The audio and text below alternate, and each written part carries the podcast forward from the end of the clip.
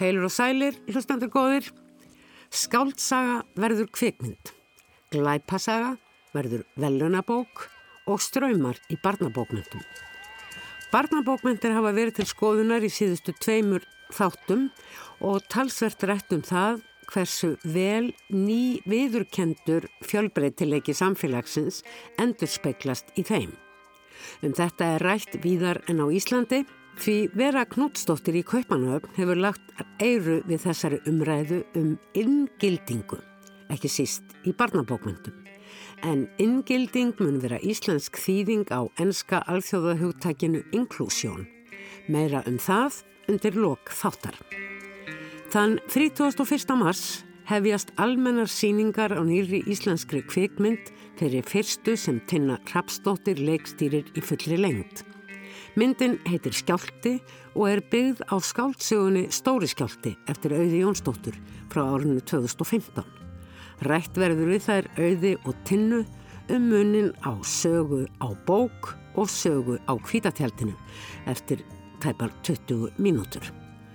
Við byrjum á nýjum handhafa blóðdrópans, verðlunum hins íslenska glæpafélags fyrir bestu glæpasögu nýliðins bókaors sem þá er jafn fram tilnefning Íslandinga til hinnar norrænu glæpasagnavelluna Glerlíkillin.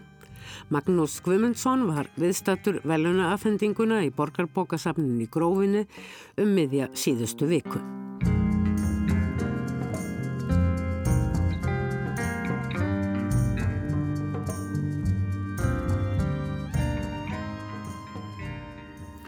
Blóðdrópin, hinn íslensku glæpasagnavellun, hafa verið afhengt álega allt frá árinu 2007. Að baki vellununum stendur hefði Íslenska glæpafélag sem var stoppsett árið 1999. En það er félagskapur rítöfunda og áhuga manna um glæpasögur. Markmið félagsins er að stöðlaða viðgangi glæpasagna á Íslandi og kynna þær utan landsteinanna. Blóðdrópin er eitt mikilvægasti þátturinn í því starfi þar sem vinningsverkið er jafnframt tilnæmt til hinn að virtu norrænu glæpasagnaverluna Glerlíkillin sem hefur verið veittur allt frá árunu 1992 þegar Henning Mangel var fyrstur til þess að hljóta hnossið. Þess má geta að aðeins einn íslenskur höfundur hefur í tvígang unnið Glerlíkillin en Arnaldur Indreðarsson vandi velunanna árin 2002 og 2003 fyrir mýrina og gravarþögn. Sem handhafi tveggja glærlikla er Arnaldur í félagskap þegar Stík Larsson og Kamil Grepe en á meðal fleiri vinningshafa má nefna Jón Nesbø, Júsi Allir Olsen og nú síðast Tófi Alsterdal. Það er því til mikils að vinna að reppa blóðtrópan og þar með tilnefningu til glærlikilsins. Að þessu sinni tilnemdi domnemnd skipu þeim Helgu Birgistóttur formanni domnemndar, Áslegu Ótarstóttur og Snæbyrni Pálsini fimm klæpasögur sem það er bestu á árunu 2021. Farangur eftir Ragnæði Gjestóttur, Hortnar eftir Stefan Mána, Lok, Lok og Læs eftir Rissu Sigurardóttur, Nákvít Jörð eftir Lilju Sigurardóttur og Út að drepa túrista eftir Þórarinn Lefsson. Tilkynnt var um vinningsafan við hátilega aðtöfn í bókasafnun í Grófinni og það var Ævarörn Jópsepsson, fóringi hins Íslenska glæpafélags sem reið á vaðið. Verðið velkomin hérna á Blóðdrópan 2022 þar sem við veitum verðlaun fyrir bestu glæpasögu ásins 2021 og það er Helga Birgistóttir formaður domnendar sem ætlar að segja okkur frá því hver það er og hvers vegna. Gjör svo vel Helga.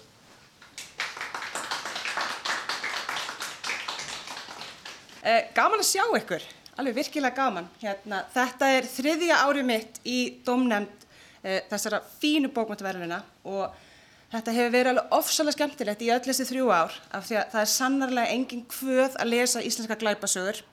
Það eru skemmtilegar og áhugaverðar og spennandi þannig að ég er búin að, núna er, núna er búin að vera gaman hjá mér í þrjú ár en ég held kannski áfram að lesa glæpasögur þótt ég hætti þessari domnemnd. En við vorum þrjú saman núna sem lásum glæpasagna úrval ársins og uh, komum okkur niður á vinningshafan og handhafi blóðdrópans að þessu sinni er Ragnhildur Gestóttir fyrir glæpasöguna Farangur.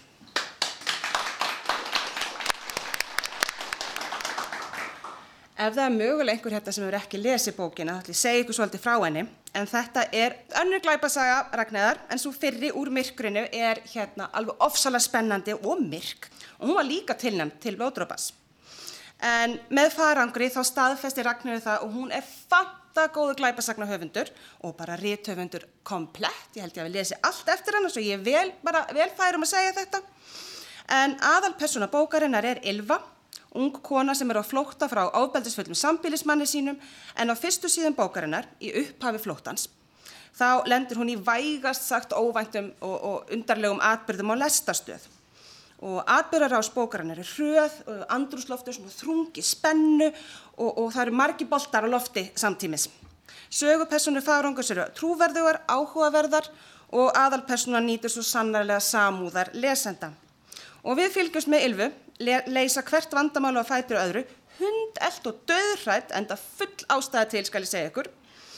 Og þetta er á heildina litið, afskaplega velskrifuð og grípandi glæpasaga. Uh, fléttan er skemmtilega óvenjuleg og við lestur þá maður segja að það leiti svona ymsar uh, svona síðferðilegar spurningar á lesandan. Til hamingju með velaunin. Og þakka ykkur fyrir. Það er ekki fá höfundir hérna það svo vel.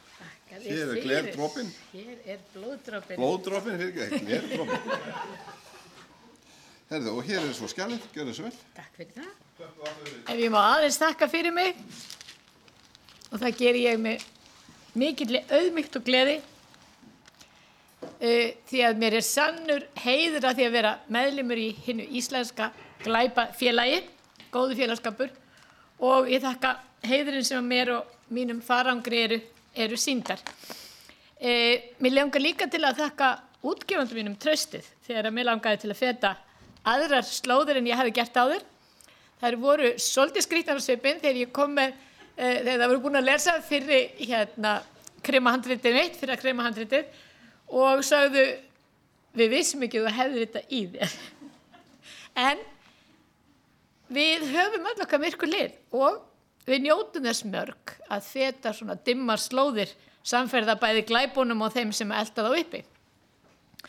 Sérstaklega þegar við erum örug undir teppi og helst með eitthvað heitt að drekka og jável malandi kött í fanginu. Við erum þá örugum að réttlætið muni náð fram að ganga, allavega í bókinni. Og glæbarsögur geta auðvitað afhjúpað margt, bæði myrka, liðar, einstaklinga og ímislegt í samfélaginu sem er venjulega dölið en uh, fyrst og fremst þá haldaður okkur í ljúfri spennu á meðan á lestistendur allt til loka og þá segjum við annarkort já vissi ég ekki eða já hérna. Og hvort ekki er skemmtilegt. Sá segi næst og fær magli málagjöld vonandi uh, og við vitum eftir lesturinn að glæpir borga sér ekki allavega í bókum en vonandi borgaði sér svolítið fyrir okkur sem að láta næja að drýja á, á pappirnum. Lifi íslenska glæparsagan og takk fyrir blóðdröfum. Eins og Helga Birgisdóttir formaðu domnemdar hafði á orði er atbyrðar ás farangus bæði hröð og spennandi frá fyrstu blaðsíðum. Aðalpersonan og sögumæðurinn Ylva er stött á lestarstöð í Þýskalandi þegar ung og að því er virðist örfhandingar full kona réttir henni íþróttatösku og grátt byður hana um að gæta innihaldsins áður en hún lætur sig svo hverfa út í mannfjöldan. Og þar sem spennan tekur á flug strax þarna í upphafi bókar er rétt að veita hlustendum eilitla insinn í spennu þrungið andrumsloft og þá voveiflegu atburði sem setja líf ylfu út af sporun. Svo er hún horfin, gnýrin frá lestinni og ískriði bremsunum og teinunum yfirgnæfa næstum því hátt og skerandi ópið í konunni sem stendur næstinni. Eitt andartak er eins og allt sé frosið, að tíminn standi kyrr, að öskrið hangi í loftinu. svo verður allt vittlust. Lauruglumennir byrtast eins og úr lausu lofti. Þeir eru bara allt í einu komnir meðan ég stend eins og steinrunin. Þeir hljóta hafa verið á vakt einhver staðar á lestarstöðinni. Þeir banda fólkinu frá, segja því að færa sig aftar. Lestarstjórin sem óg á stúlkuna er komin út á pallin. Hann heldur um höfuðið á sér og hljóðar. Fólkið á brautarpallinum þjappar sér ósjálfurátt saman í hnapp. Sumir gráta, aðrir stara opinmyndir í áttað lauruglumönnunum sem setja nú upp gullt límband til að loka svæðið af. Mér verður á að hugsa hvort lestinni til kólding sengi ekki en skammast mín undir eins. Hvernig get ég hugsað um sjálfa mig þegar ég hef vorið vittni að öðru eins og þessu? Hún gerði þetta viljandi. Það sem ég sá í augunum á henni var kolsvart hildýpi örvendingar. En hvers vegna bað hún þá um hjálp? Ég hörfa aftur og baka eins og hitt fólkið, aftur í átt að tröppunum sem liggja niður að klósettunum. Þaðan heyrist líka skarkali, róp og köll. Kona í bláum hrengjarningarslopp kemur hlaupandi fram á brautarpallin. Í hanskaklættum höndunum heldur hún á stórum vöndli af alblóðugum pappirshanklæðum sem hún heldur hátt uppi meðan hún riðst áfram í gegnum hópin og kallar á bjagaðri þýsku Blóð, mikið, mikið blóð, lögregla. Lögreglumadurinn sem stendur næst lítur við og ég sé snöggvast augnar að hans, kallt og skýrt, sé hvernig hann hugsar, leggur saman tvo og tvo, eins greinilega og ef ég hefði séð kvikna á ljósaperu fyrir ofan höfuðið á honum. Um leið finn ég fyrir ofurlittlum kipp, smá reyfingu í töskunni sem ég held yfir aukslinni. Nei, það getur ekki verið. En um leið veit ég að það getur einmitt verið. Að ég verða að fara til lauruglumannana þarna við gula borðan, þarna rétt við brúnina sem hún kastaði sér fram af, stúlkan með dökku augun. Ég verða að ganga til þeirra og rétta þeim töskuna og segja að stúlkan hafi réttan að mér og ég hafi tekið við henni hugsunarlöst, reynd svo að elda henni uppi, hafi ekki hugmynd um hvað sé töskunni. Ylva stendur eftir á brautarpallinum og hefur ekki hugmyndum hvað er í töskunni sem unga konan kom á hana en áhuga sami lesendur geta auðvita komist að því með tilherrandi spennusagna lestri. Ragnhildur Gjestóttir, höfundur bókarinnar, veit og auðvitað allt um það eðli málsins samkvæmt, en í stuttu spjalli við handafa blóðdrópans í ár reyndu við að gæta þess vandlega að koma ekki upp um það dularfulla og spennandi leindarmál. Til haf mikið með blóðdrópan og bókina, þetta var skemmtilegt. Já, var þetta, þetta óvænt?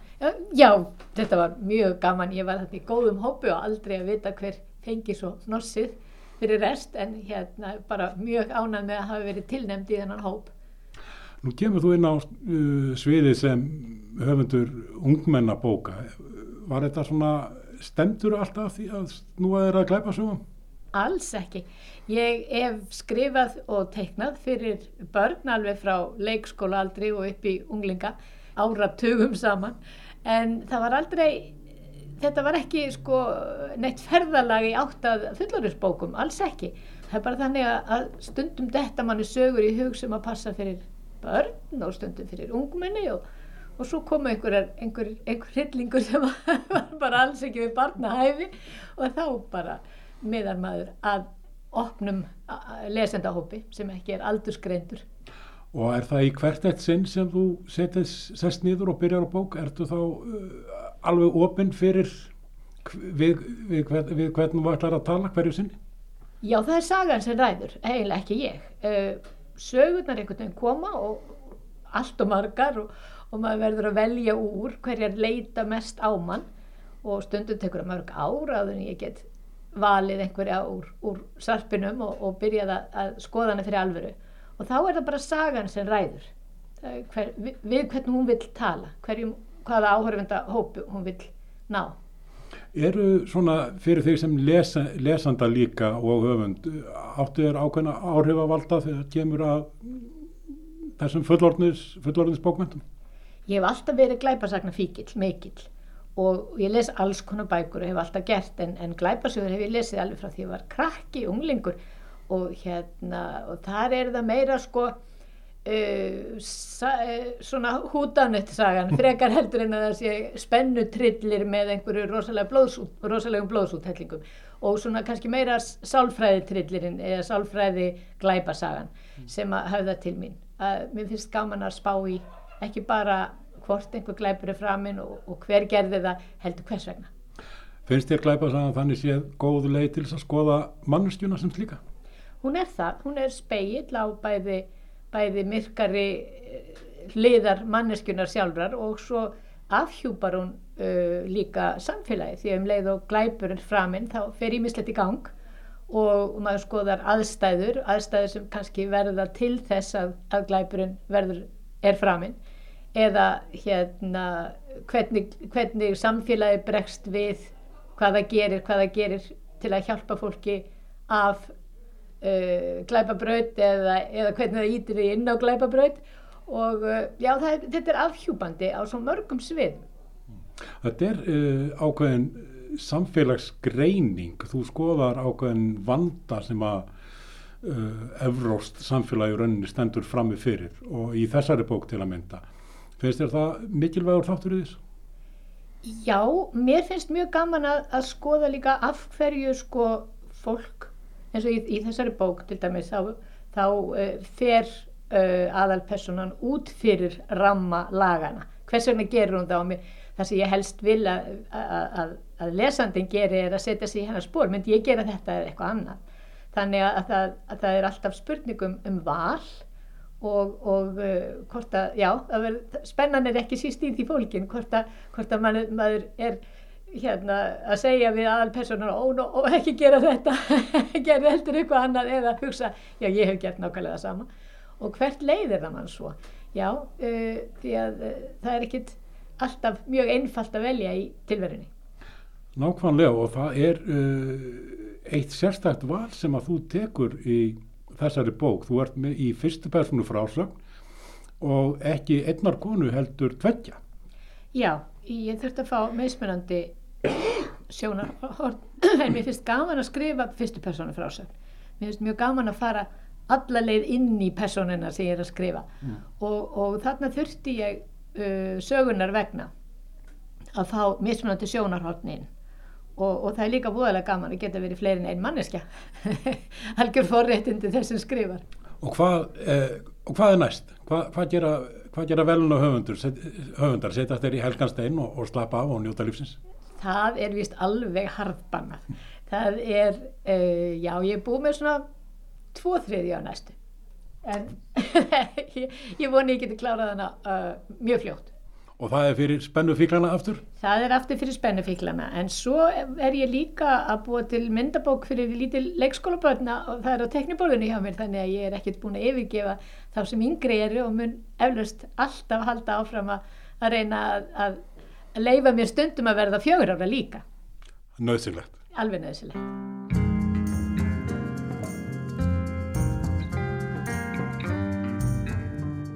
Snúum okkur nú að skáldsögunni Stóra skjálta eða kvikmyndinni skjálta nema kortveikja sé.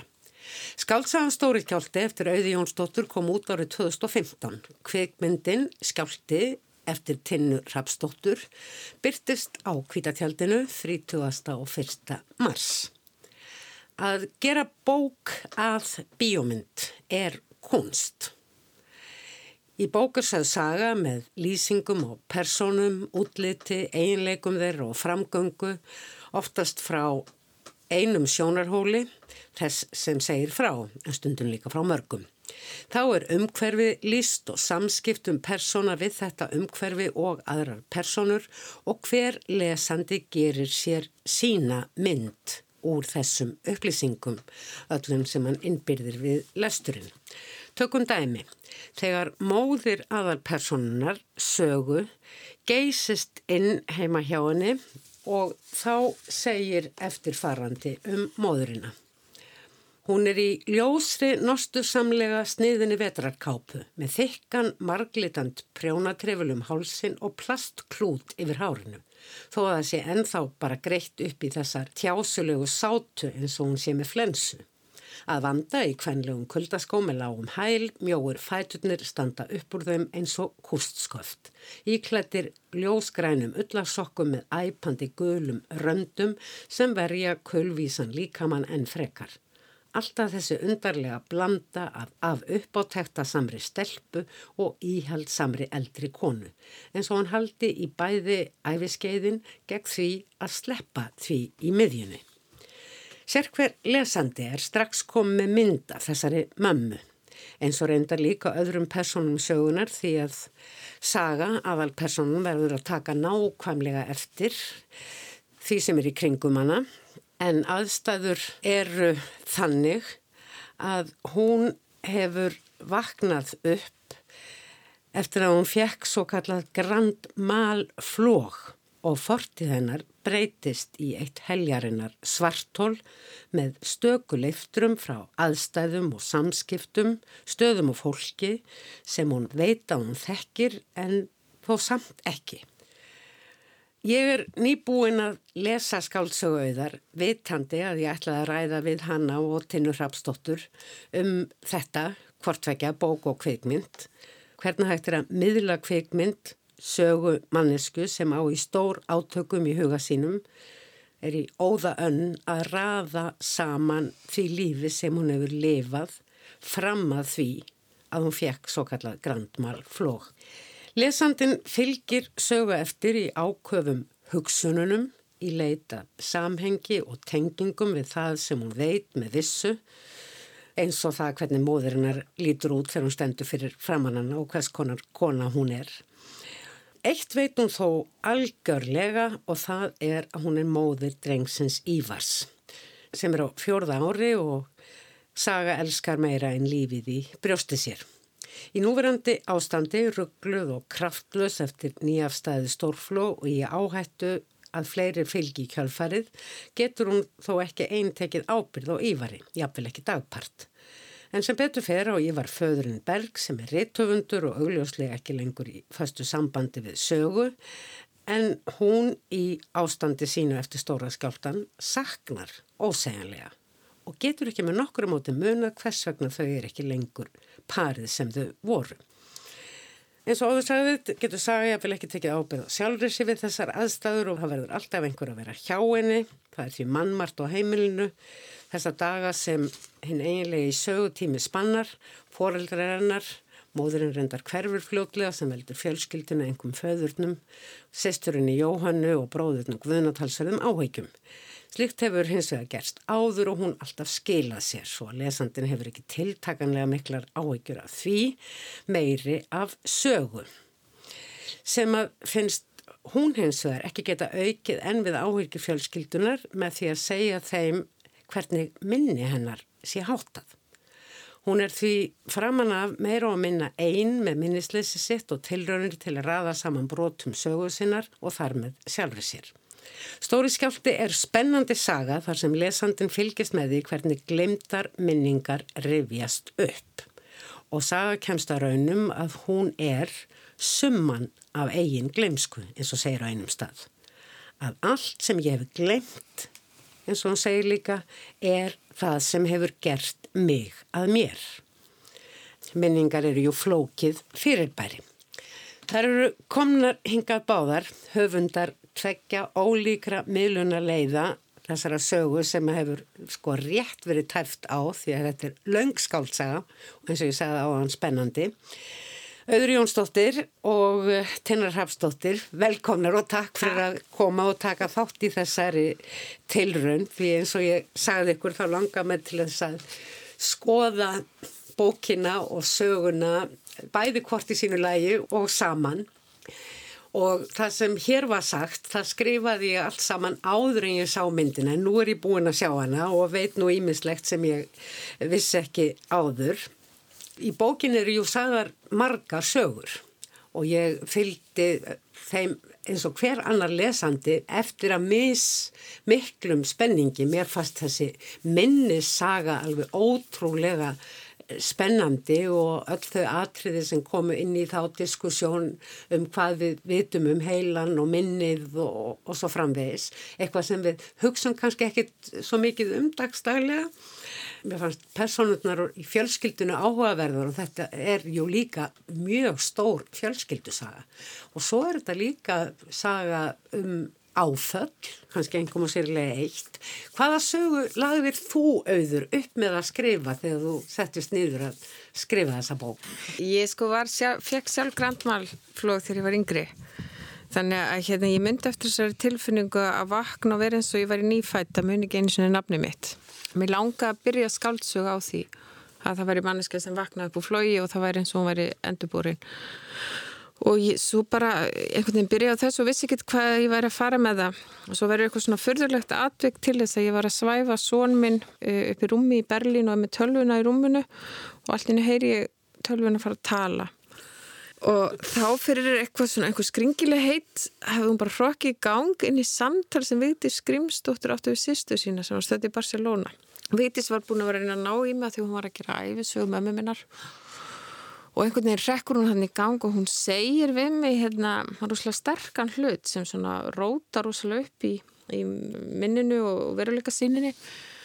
Og hérna ég sitt hann bara að likka hann óvarinn með són minn. En það sem gerist eftir þetta skringja því er að ég alltaf veit um hvað sagan á að vera og það er um minni og minnisleysi ég var náttúrulega byrjuð hérna með minnislösa mannesku en já, ég fer að hugsa um svona hérna e, duldarminningar og, og glemdar og svo er þannig í Berlín eins og þú veist að það er einhvern veginn hægt að finna allt í svona bladasjöpum í svona þýskum tímaritum og ég er eitthvað að velta þessu fyrir mér og fer út í hérna bladasjöpun og þar er tímaritt sem er eitthvað svona vísenda tímaritt það sem var grein á svona heimsbyggilegu nótum eftir hérna einhvern svona tauga sérfræðing eða taugalegni og greinin var um það að við værum okkar eigin skáldskapur. Og þetta, þetta hugarburður eins og segir einhverstaðar við erum hugarburður og mér fannst þetta svo merkilegt, mér fannst þetta toppa allt svona bókmenta bara að að þetta, voru, þetta var bara vísindagrein en á svolítið svona kannski ofinnflæðandi nótum Þannig að ég legg bara upp með þetta að hún, hún heitir saga og hún er sín eigin saga eða sín eigin skaldskapur eins og við kannski erum öll því þessari greinstóða við lögum minnið að getu persónuleik okkar. En svo kannski þú veist breytist persónuleikin að hún fær hérna flóg og, og ró og hún er bara komin Eignast barn. Já, mm. barni breytir miklu og hún er skilin og allt er hún komin á einhvern stað í lífinu það sem bara kerfi gefur eftir og þetta flógverður og þá svona eins og gleyma sumaminningar en aðrar komum bara yfirborðið eins og í jarðskjálta og það sem er þessi náttúrulýsing í bókinni að það sem er líking á, á þeirra landslægi breytist í, í náttúruhamförum og það er það sem að það sem er í djúpinu kemur upp á yfirborðið og öfugt. Já þannig að þetta er uppbyggt eins og spennusaga. En það er eitt sem ég langar að segja sko ég nefnilega er svo á því að skáltsan megi vera svolítið Dostoyevski þess að orðið svo mikið með endurgerða sögum í bíómynd og leikriði að þetta er eina formið sem við höfum eftir það sem maður getur bara endalist verið í alls konar vangaveltum og essayum inn í miðri sögu og, og pælingum út frá pælingum. Þetta er sko áratuga, aldar saga sem að kemur þarna fram í bókinni í gegnum fjölskyldusöguna til dæmis. Já, þannig erum við með þetta form sem er skáldsán. Það var ekki mikil rít skoðun á mörgum dóðröndum sem að maður, eða rít ríni á mörgum dóðröndum sem maður lasi maður yngri og mér finnst að skáldsán megi svolítið hafa þetta pláss ennþá því svo fáum við sögulínunar strípaðar í kvikmyndum og í leikritum. Teina, uh, þú hefur vantarlega lesið kannski bókina fljótlega eftir hún kom út. Hvað var það sem að kveikti í þínum eftir þeim kvikmyndael? Það sem að kveikti áhuga minna á þessari sögu er náttúrulega þetta er frábær bók, óbáslega vel skrifuð og af svo miklum þroska og skilningi á mannlegu eðli og hvernig við erum afsprengi þess sem við komum frá og það er hluti sem ég þekki sjálf þannig eru fjölskylda aðstæðir sem að, að aðalpersonan er að kljást við og veit ekki af því vegna þess að þarna eru bældar minningar sem að henni hefur einhvern veginn hún hefur ómeðvita náða að, að svona íta frá og áttar sér ekki á því en þú einhvern veginn í þessari sögu finnur alltaf fyrir að hún er afsprengið þess og kemst mm. ekki tjá því. Við erum það sem við höfum upplifað. Við breytum ekki fortíðinni. Og það er bara hlutur sem að ég þekkja af eigin raun. Ég var sjálf á ákveðnu tímabili svona að horfast í augu við mína æsku og mína reynslu og finna leiðir til þess að vinn úr því og, og hvernig ég ætti nú að blómstra sem einstaklingur sem að gera sér grein fyrir því að þetta eru hlutir sem ég þarf að finna út úr að þegar ég las bókina þá fannst mér þetta bara næstu að vera um mig veist, og ég hugsaði bara, vá, ef það er ekki eitthvað sem er búið að ráðleggja mér sem, sem sko, sögumanni, ég mm. kalla alltaf sjálfur mig, ég er hvorki rétthundur ég er sögumæður, ég segi sögur mm. í kvikmyndaforminu og líka sem leikari og, og handritsöfundur að sjálfsögðu. En hérna en stundum sögur sem aðrir hafa sagt þér en stundum sögur sem þú spinnur upp nákvæmlega, það er nákvæmlega, nákvæmlega þannig. Það sem hefur alltaf verið sagt í svona handrita kúsum sem ég hef farið í gegnum árin skrifaðu um það sem þú þekkir. Ekki endilega að þú hafi gengið í gegnum það sama og manneskjan sem þú ert að skrifa um heldur byggðu það sem þú skrifar á þeim reynsluheimi sem þú getur tengt við vegna þessum leið verður þetta satt. Mm og það er það sem ég tengdi svo óbúslega stert við að þessi, þetta ferðalag personunar frá afneitun yfir, yfir í sko viðurkenningu á staðrindum mm. því sem að hefur gerst og þetta þroska ferli sem að hún er er tilneitt til þess að fara í gegnum vegna þess að hún á það mikilvægasta í heiminum sem er sonur hennar. Mm. Það er hlutur sem ég þekki svo óbóðslega vel sjálf Ég á sjálf tvíbura sem ég barðist fyrir að eiga, eignast, þannig að ég háði baráttu ofrjóðsum í fimm ár. Þannig að það eru alls konar svona hluti, svona ákveðin elementi minni sálu sem bara öskruðu á það að ég myndi segja þessa sög. Þessi móðurást, þessi þroski, þess, þetta ferðalag, manneskunar yfir í svona vitundarvakning um það hver þú ert og af hverju. Það er það sem ég fannst rosalega áhugavert sem saga sem saga, sagan í þessari bók. Ekki um- saga persónum. Nei, en um leið sá ég að af því eins og auður bendir réttilega á, þá er þetta spennusaga.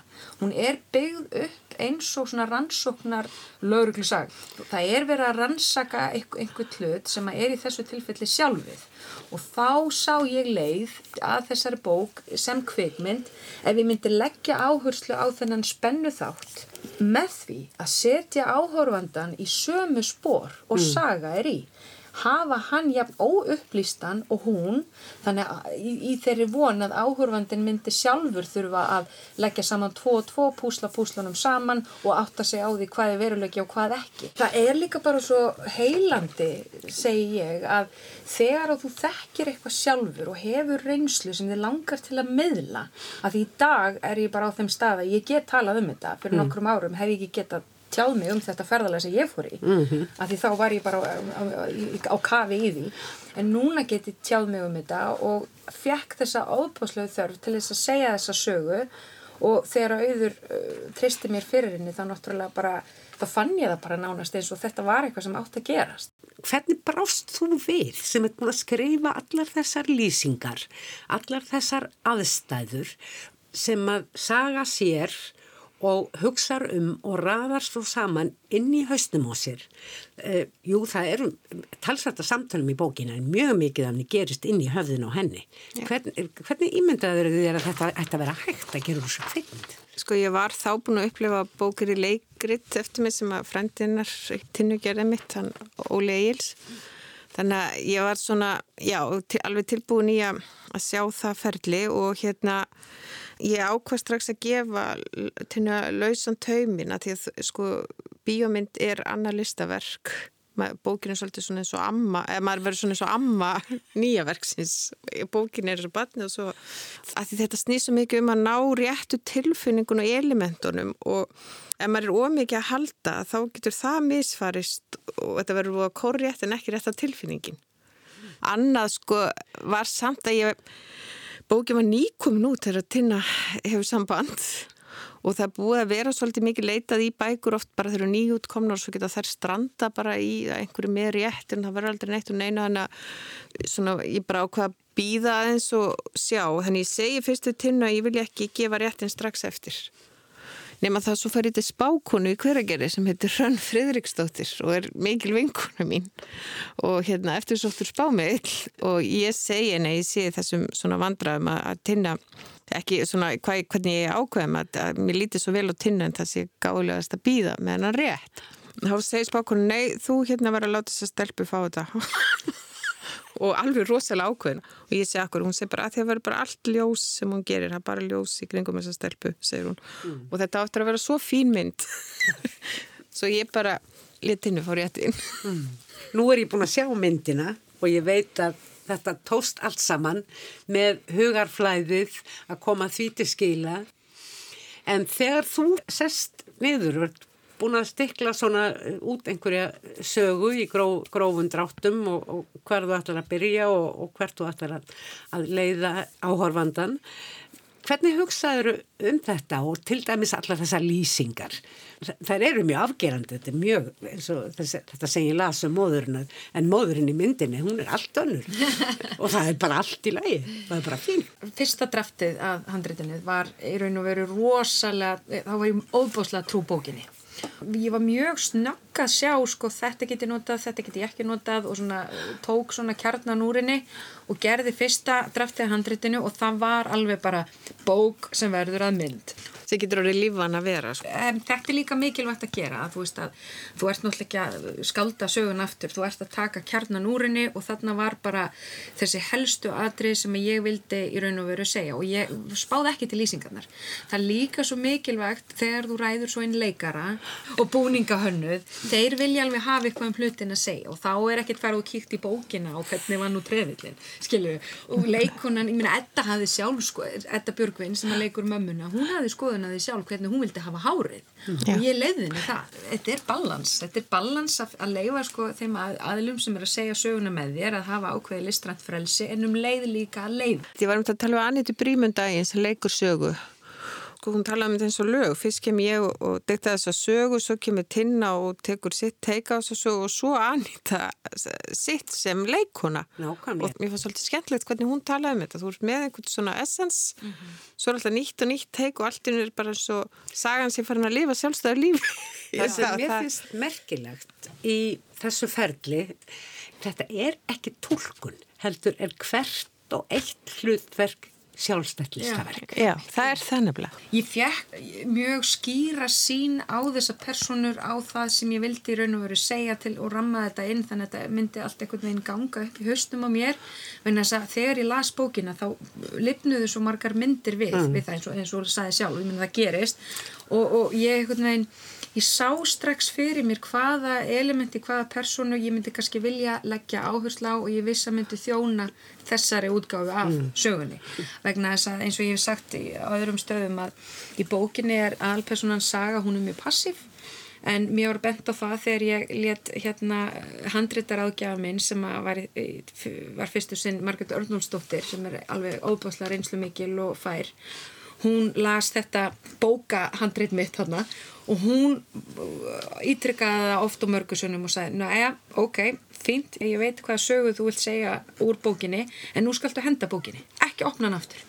Þetta er þín saga, nú ert þú að fara að skrifa handrit og nú skaltu ekki, að ég vildi, þetta var lærdómur fyrir mig, ég vildi einmitt vera ofsalega trú bókinni en um leið þurfti ég að segja þá sögu sem brann á mér og, og, og það segja allir sem hafa verið lengur í þessum bransa en ég bara all, alls ekki binda þig við smáadrið í bókum og mm. lýsingum eða slíkt, menn þess að þá ertu komið einhver svona millistig sem er uh, sem er þá eiginlega ekki neitt eða mm. veist, mm. eitthvað svona millistig sem Já, er hvorki ég nýja bók að þú er, er líka bara með sko aðra tegunda narratífu í bíomind þannig að ef þú ætlar að vera til dæmis mjög trúr bara eins og endinum í bókinu það þarf það eiginlega að fara yfir í annars sjannra líka bara í hvaða sjannra er þessi mynd. Mm. og margt gengur upp í skáltsuga því að skáltsuga en, já, en já, bara já, passar ekki inn í hittformi nema að sé þá En mér fannst til dæmis sem áhálfanda að kvikmyndinni með bókina svona í fersku minni mm. þá þóttu mér voða væntum eins og kvíturósirna og æg gott að það vetur e, af því að það er vetur í bókinni. Já. því að auðvitað hefði þetta líka allt geta gerst að sumri Já. og hefði ekkert breytt neitt voða miklu. Ég er bara myndrænan í mynd. Svo líka sko þegar maður er að skrapa okkur þá er, þarf maður að segja svo mikið til að skila sögunni en þú hefur þarna, þú þetta getur bara sínt þessi mörgu lög sem að verða til í langri bók í ymsum frásögnum með það sem settir úr greinaskil á milli, Já. þau geta orðið til í einni mynd, einni setningu með einni reyfingu, Já. með eitthvað í bakgrunni. Og það er svo heitlandi. Það er ekkert að segja sömu sögun aftur og aftur á ótilandi hátt í rauninni. Ég nefnilega sko á tímabili þá velti ég því fyrir mig hvort ég ætti að láta þetta sögu vera sögumann í kvikmyndinni og. Nei, á tímabili var ég bara nokkuð viss á því að það ætti að vera þannig vegna þess að ég trist ekki nógu vel á að ég gæti miðla því sem var að hugsa með myndum. Svo ég, endaði ég á því að skrifa held ég svona ángrín svona 40-50 dröfta þessu handriti þannig að ég var alltaf að breyta og alltaf að betrum bæta og þetta var svona hálfgeð þroskaferli fyrir mig að fara í gegnum þetta að skrifa þetta handrit en þá var einhver af þessum dásamlegu ráðgjöfum sem að ég hérna vann með og ég fór á svona handrita vinnusmiður Erlendis á mjög virtum handrita ráðgjöfum og þá sögðu allir aldrei hafa sögumann. Þú sem kveimdagjara maður ert miklu stendur miklu sterkara ef þú nærða að miðla þessu með myndum en ekki sögumanni mm. og ef þú nærð því þá ertu raun og veru langmest trú þessum, þessu formi. Já, en það er líka, það, þarna er það svo rosalega mikilvægt að því þessi bók byggir svo mikið á skinnjun hennar. Já. Hún er að skinnja veruleikan upp á nýtt. Já. Ég er mjög fegin að það var ekki sögumæður. En ég þurfti að fara í gegnum allt þetta og máta mig við allar þessar útgáfur mm. bara til þess að vita að það væri ekki málið og var leitandi að, að því handriti sem ég langaði til að skjóta sko. En nú er uh, frumsýningin bara uh, í þessari viku. Hún hefur líka látið býða eftir sér. Þú ert búin að þurfa að humma þetta hans fram að því með að við soltið eins og gerðan er sagt. Með að við soltið, já. Það er langt síðan að myndin var tilbúin. Við heimsfrumsýndum hana í bíósal á kveikmyndaháttíð í Tallinn sem er eina af þessum stærstu uh, kveikmyndaháttíðum. Þar áður var hún valininn á kveikmyndaháttíðin í Toronto sem er líka eina af þessum stærstu og þá var hún á svo kallu Industry Selects sem var út af COVID svona ákveðin hluti af háttíðinni sem var ekki síndur í bíósölum en samt aðgengilegur fyrir, fyrir hérna, fólk í kveikmyndabransanum og það var pínu erfitt vegna þess að þá fekk ég að heyra ef að það væri ekki fyrir COVID hefði myndin verið frumsýnd á þessari kveikmyndaháttíð í Toronto og bara þessi nálgun að því það er COVID þá þetta er búið að vera uh, svo litið sérstakt að, mm. að reyna að koma myndinu út en, og núna er hún búin að fara á fimm kvimdaháttíðir sem er alveg bara magnað einmitt í þessu árferði vegna þess að kvimdaháttíðir er að taka inn færri myndir og það er miklu meiri samkeppni vegna þess að svo margar sem að e, byðu frá árunni áður þannig að ég var í tvöfaldir samkeppni og með minna prógram þannig að þangað sem að hún hefur verið valininn það er bara stór segur mm og, og viðtökur hafa verið vonum framar. En að því að ég var svo eigingjöld mér langaði svo rosalega að sína hana hérna heima þegar ég gæti faðmað auði og allt fólki mitt og, og bara leift öllum að koma sem vildu koma í staðan fyrir að segja nei þú getur ekki komið út af COVID. Ja. eða ég ætla ekki að faðma þig út af COVID. Þannig að ég frestaði frumsýningunni mm. þanga til núna og ég get ekki bara betur séð en það hefur verið blessum Þetta er mjög skemmtileg mynd þó að skemmtileg sé kannski ekki rétt á orði því að hún er hádramatisk og hún fjallar um eitthvað mjög harmarænt. Hún er svo óhrætt við að hérna, vera í dramatíkin og dvelja í dramatíkinni og hún gerir það rosalega vel og hérna það finnst mér bara rosalega dýrmætt og nú er ég búin að glemja hvað ég ætla að segja mér að. En ég ætla að minna þig á að svo kom náttúrulega bókin út í, á Amrikumarkað. Já, hún var að koma út í New York. Já, það var líka algjör tilvílinu því það var, útgáðan hafi dreyist út á COVID. Það var löngu búið að selja hana og fyrst tafiði stíðingin og svo kom COVID og svo bara alltinu er bara verið að frumsýna í, band, nei, í myndinu bandringunum á sama tíma og, og bókin er að koma út. Svo við fórum saman til New York og hérna að kynna bókumynd. Mm. Það var rosalega gaman. Einmitt. Og mig langar, við erum búin að tala mjög lengi en ég held og vona að þetta hafi verið upplýsandi spjall um bók og mynd og myndabók. fyrir okkur að koma. Og skilkur báðum hjartanlega til hamingu með afkvæmin. Já, gaman að fá að vera amma. Og endilega ég mæli með að fólk sjáu myndin í bíó vegna þess að, að það er allt annað að sjá mynd í bíó heldur en að sjá að skjána Sannarlega. Já. Allir í bíó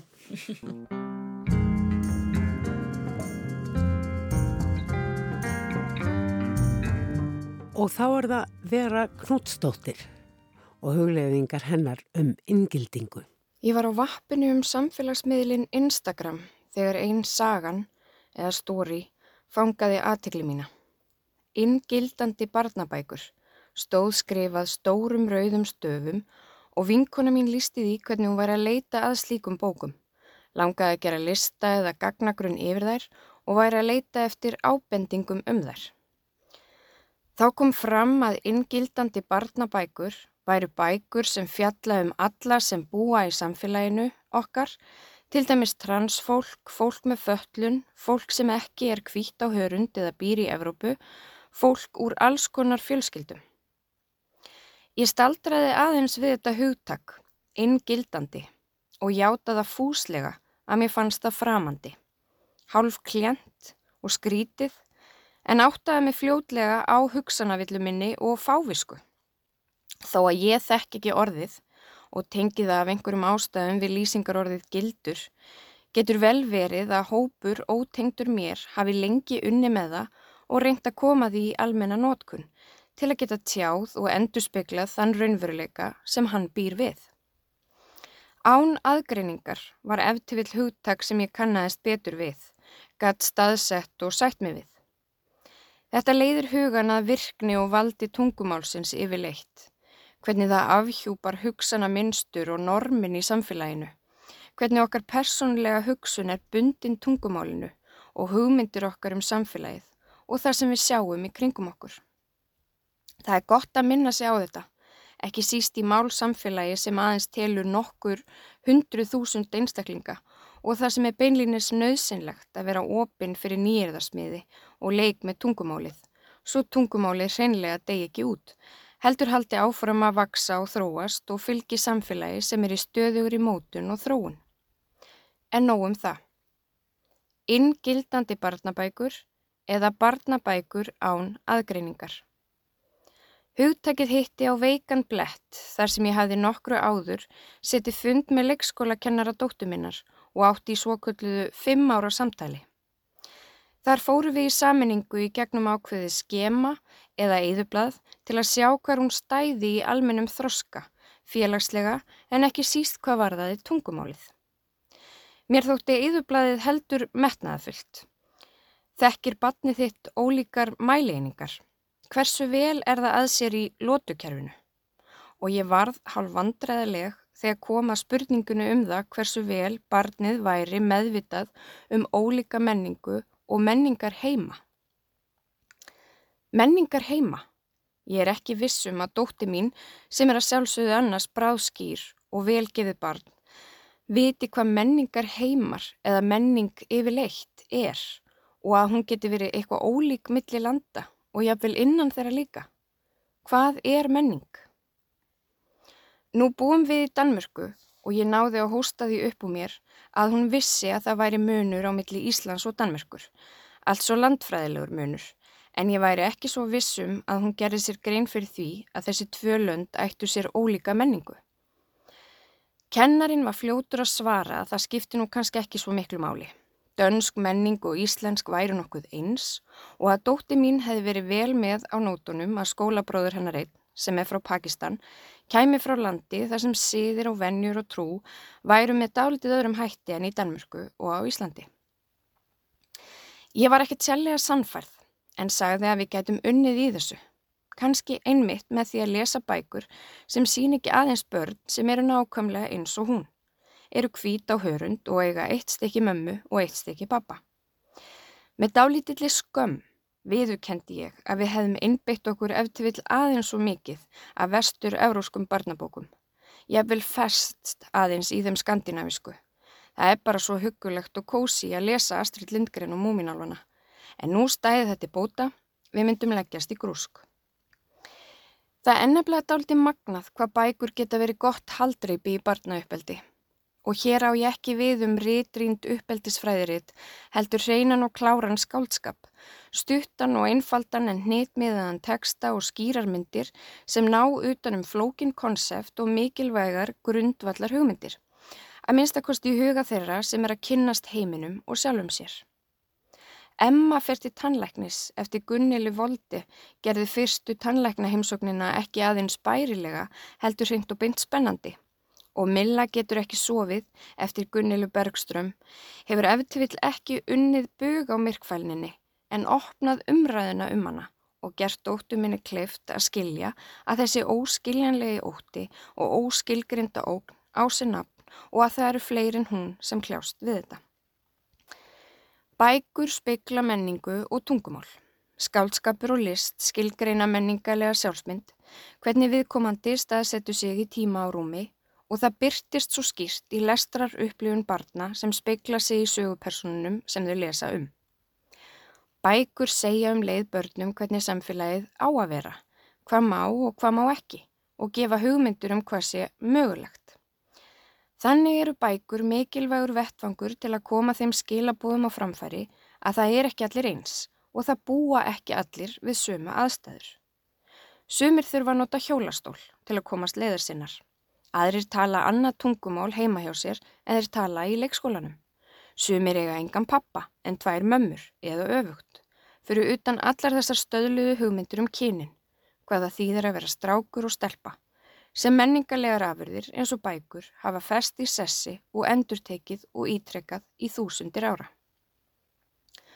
Og hér er mikilvægt að minna sjá að börn les ekki aðeins bækur, heldur horfa líka á sjómarp, kvikmyndir og sjómastætti sem byggja líka á sögum og frásögnum sem spekla samfélagið og byrta sögupersonur sem verða ómeðvitað að ákveðnum menningarlegum fyrirmyndum. Inngildandi. Virknin endurspiklast í orðinu. Ef bækur endurspikla þau gildi sem við sem samfélag höfum, geta bækur stuðlað að því að við hleypum ákveðnum gildum inn fyrir okkar samfélagslega þröskuld. Ég veit að hér er ég að tólka hugtækið inngildandi á afar persónulegan máta en þannig næ ég að gera mér það tamt og að mínu. Stutt rannsóknarferðalag um internetið sínir að það hefur lengi verið vilji til að stuðlað útgáfu á inngildandi barnabókum en mikið hefur verið rætt og fundað um mikilvægi þess að barnabækur síni fjölbreytt samfélag og að öll börn geti spikla sig í bókunum sem þau lesa. En eitthvað verður standa í vegi fyrir því að þær séu skrifaðar og gefnar út. Hvað veldur er ekki svo gott að segja en hér er mikilvægt að velta fyrir sér fyrirbærinu bókmenta heiminum og spyrja sig hvort að hans sé inngildandi og án aðgreiningar. Er bókmenta heimurinn aðgengilegur fyrir alla? Hverjir eru það sem hafa það starfi að skrifa bækur? Á Íslandi má sjá aukna áherslu á inngildandi samfélag í nokkrum nýlegum ungmennabókum en það virðist vera eitthvað dýbra á þeim fyrir yngriborn börn og endilega leiðrætti mig hér ef ég fer með fleipur. Verðlaunabók Íslensku bókmentavelunana í barnaflokki árið 2021, Akam ég og Annika, eftir þórunni Rakel Gilvadóttur, er á þessari línu. Sagan fjallar um Hrafnildi sem flytur með fjölskyldu sinni til Þýskalands. Hún upplifir sig sem innflytjanda en kynnist einnig öðrum innflytjanda, Akam, sem kemur annar staða frá en fjölskylda hans hefur nauðug þurft að leggja á flótta frá heimahögunum. Akam lýsir nokkuð vel muninum á aðstæðum þeirra tveggja þegar hann segir Þú ert frá landi sem fólk vil fara til, ég er frá landi sem fólk vil fara frá. Þú ert ekki frá landi sem fólk vil forðast og vil helst ekki vita að sé til. Það eru einmitt svona setningar, settar fram á svo innfaldan og skýran máta en tjá flóknar hugmyndir sem opna gáttir í hugum sem eru eins og áður sagði að kynnast heiminum og sjálfum sér. Fleiri verða orðum bækur ekki að þessu sinni. Tæknumæður þessa þáttar var Jökull Karlsson. Takk fyrir að hlusta, verði sæl.